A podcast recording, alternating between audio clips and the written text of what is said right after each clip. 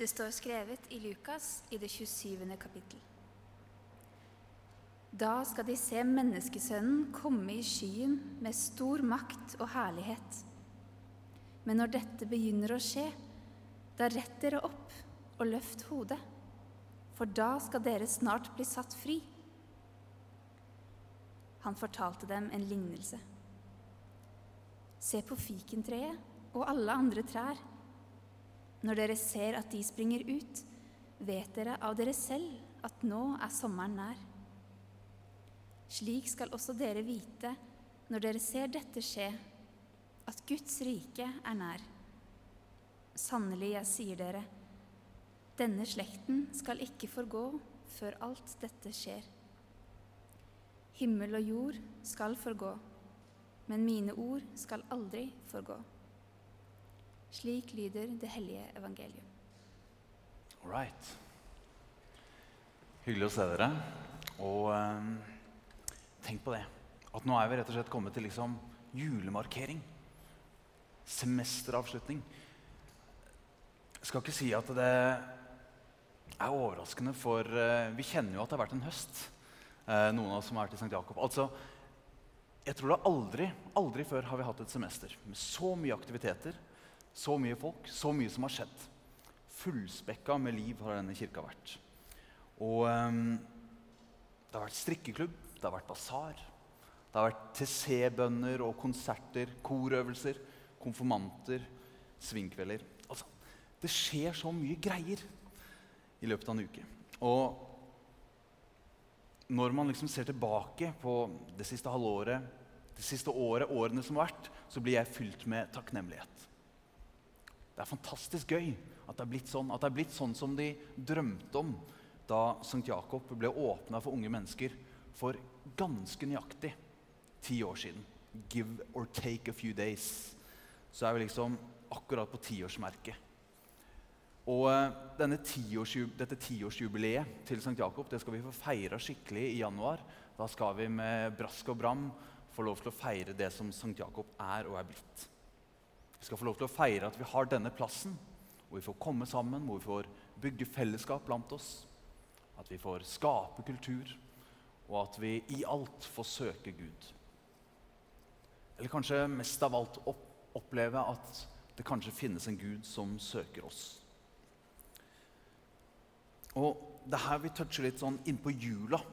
For det er ikke bare for gøy at vi åpner kirka for altså studenter som har lyst på lunsj eller eh, filmklubb eller Skal vi danse-finale.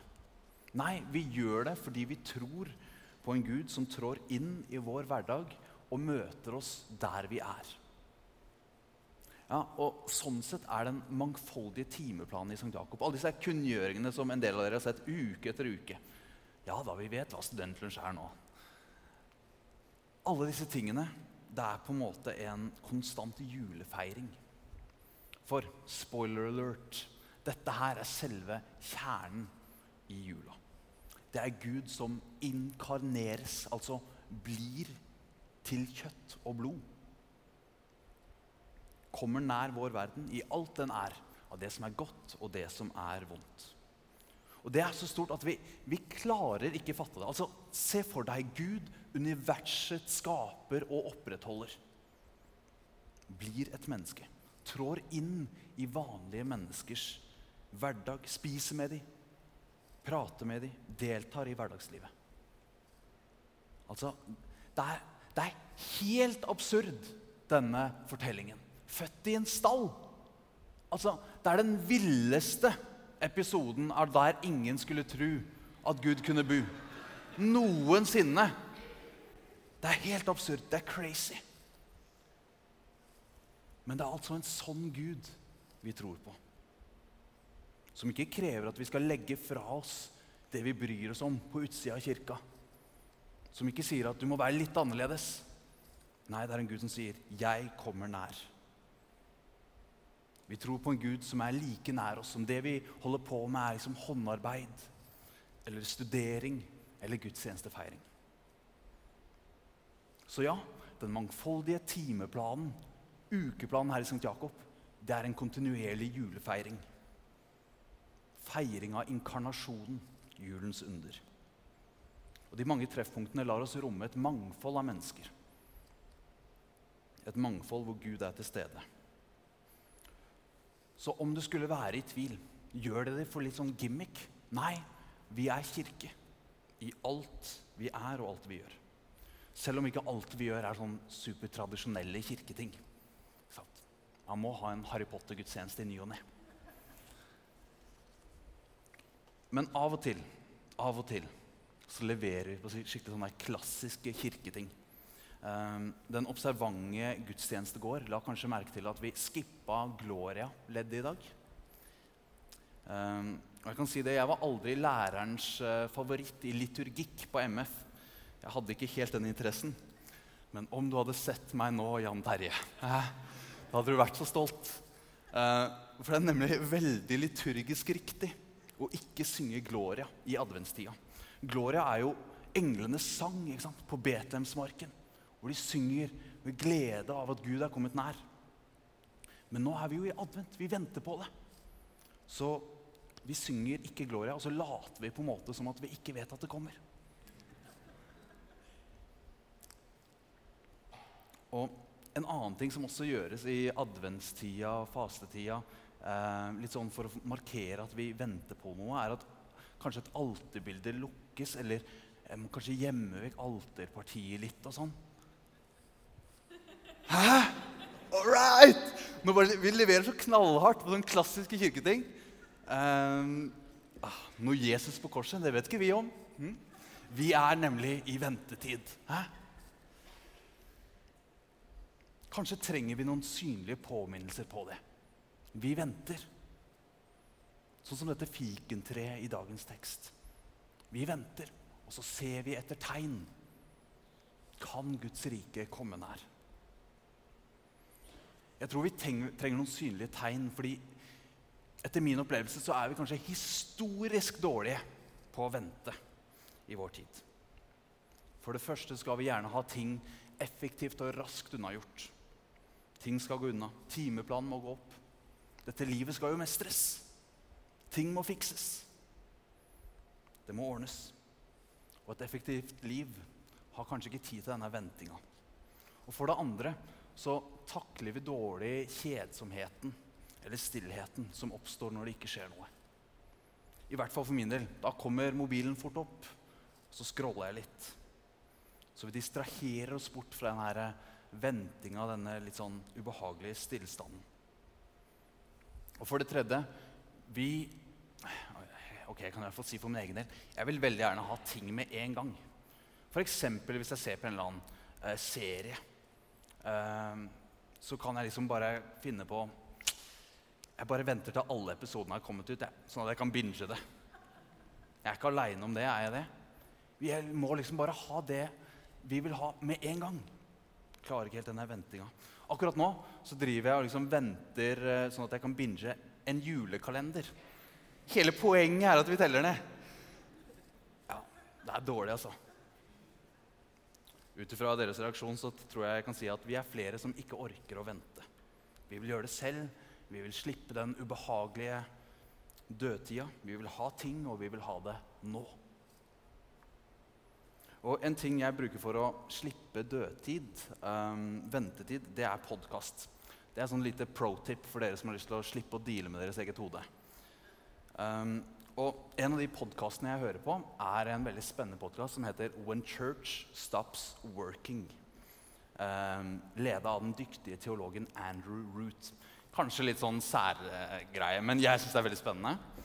Um, og jeg hadde et lite starstruck moment denne uka som var, fordi nå på tirsdag så kom selveste Andrew Root til St. Jakob. Og Da snakka han til prester og prestestudenter, og han snakka om noe jeg syns er kjempespennende, nemlig det sekulære samfunnet, og hvordan det påvirker oss som moderne mennesker. Og Heng med, for dette er ganske spennende. Han, fortalte om hvordan man før levde i en mystisk verden, hvor det ble tatt som en selvfølge at det var engler og demoner en overnaturlig virkelighet som stadig spilte inn i vår verden. Og selvfølgelig trodde man på Gud. ikke Spørsmål, spørsmålet var mer sånn Ja, hva har Gud gjort i livet ditt i det siste? Eh, de så Guds hånd, Guds rike, som kom nær overalt. Og når månen plutselig ble blodrød, så stoppa livet helt opp. Hva i all verden betyr dette? Hva gjør Gud nå? Er det trygt å dra ut med fiskebåten? Vi i vår tid vi vet uker i forveien at nå kommer det en måneformørkelse. Og når det skjer, så gidder vi kanskje å kikke opp på den et par minutter. Maks. Det var fint. Og så går vi videre. Altså, Vi lever i et ganske annet samfunn enn for bare noen hundre år siden. Vi lever med et verdensbilde, en gudsforståelse, en virkelighetsforståelse som ikke tar høyde for en overnaturlig virkelighet. Og mange trodde av den grunn at spiritualitet, religion, det dør snart ut. Men så har ikke det skjedd. Nei, åndelighet, spiritualitet, det sprenger seg fram. Og på et vis så er det mer mangfold innenfor spiritualitet og åndelighet enn det har vært noensinne før. Det er som om det er i et eller annet i mennesker som lengter etter noe større. Men vi snakker ikke så mye om det. Det er nemlig litt sånn en privatsak. Vi deler ikke nødvendigvis de der erfaringene vi har av Gud eller noe større. For spiritualitet, åndelighet, troen på noe mer altså Vi har på en måte ikke et ikke et rammeverk, vi har ikke en forståelse for det i samfunnet som kan romme det. Så vi dytter det bort og så kaller vi det en privatsak. Så for eksempel, når Jon Fosse har jo mottatt Nobelprisen i dag.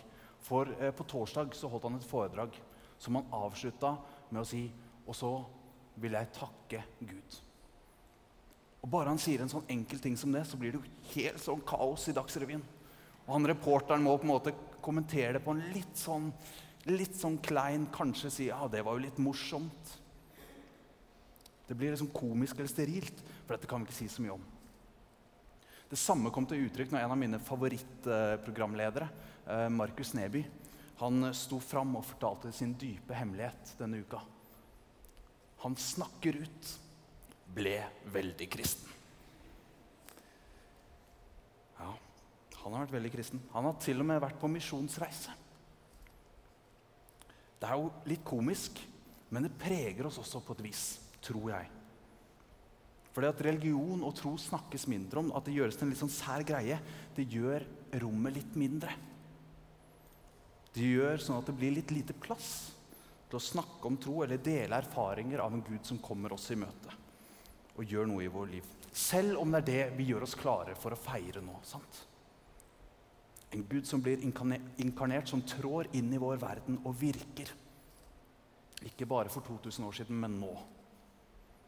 Men selv i kirka, paradoksalt nok, så oppstår det en slags berøringsangst for å dele tro og undring rundt akkurat det her.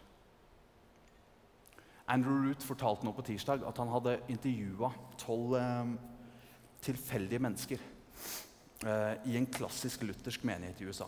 Og så spurte han dem har du noensinne opplevd deg møtt av Gud. Er det noen situasjoner hvor du liksom lurer på Oi, kan, kan Gud ha vært inne i bildet her? Og så svarte faktisk samtlige av de tolv personene ja. Jeg, jeg, tror jeg har en erfaring som jeg lurer litt på. Jeg tror jeg har et eller annet. Og så spurte han etterpå ja, har du fortalt noen om dette her før. Liksom noen i menigheten din, presten eller noe. Og samtlige tolv svarte eh, nei. Det har jeg ikke.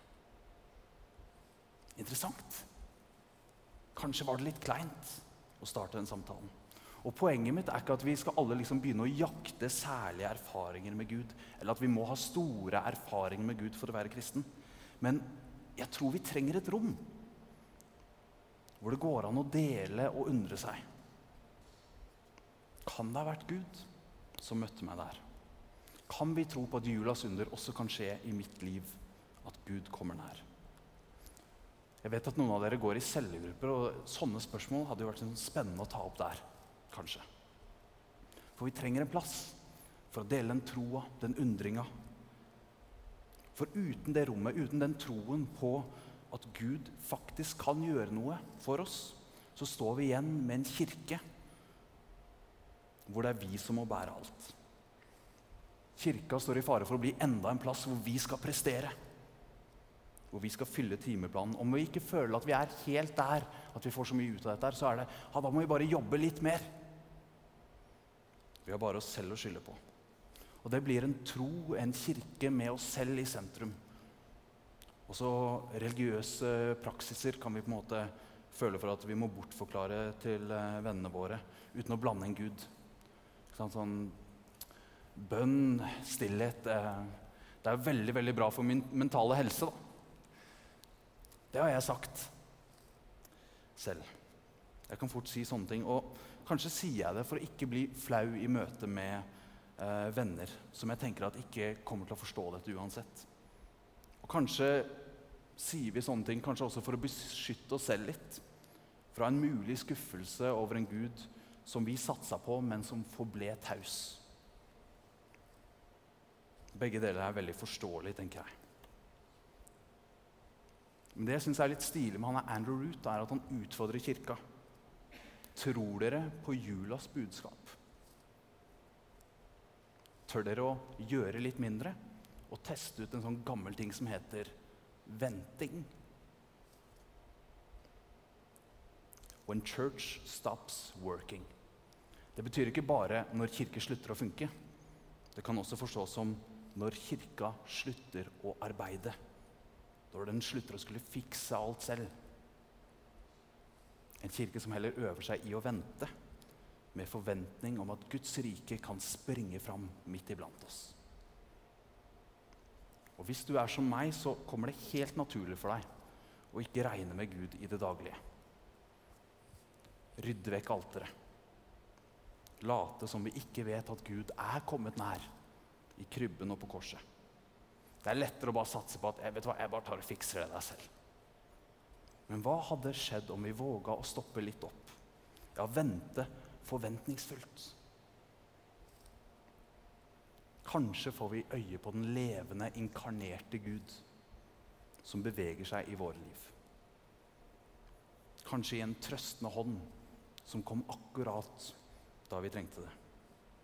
I et varmt blikk som så deg da du følte deg fullstendig usynlig.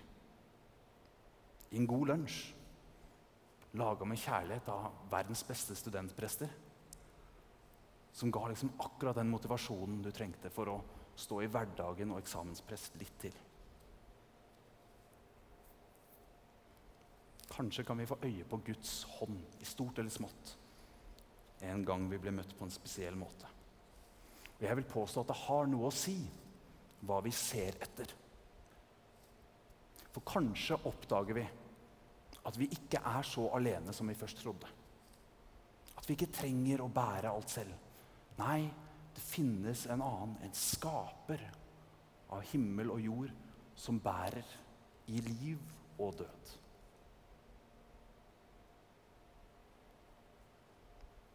Jeg tror ikke på en Gud som fikser alt som eh, gjør at våre liv blir rein lykke. Men jeg tror på en Gud som trår inn i våre liv sånn som de er, og som kan gjøre noe for oss. En Gud som ikke spør om vi har bakt sju slag, eller spør om du har den der perfekte julemiddagen å invitere inn til. Men en Gud som er nær oss, uansett hvor vellykka eller mislykka vi føler oss. En Gud som er nær i julehøytida, uansett om den er noe vi gleder oss til, eller kanskje først og fremst gruer oss til nå. Jeg vil påstå at det har noe å si hva vi ser etter. For døra til stallen, den var jo ikke låst.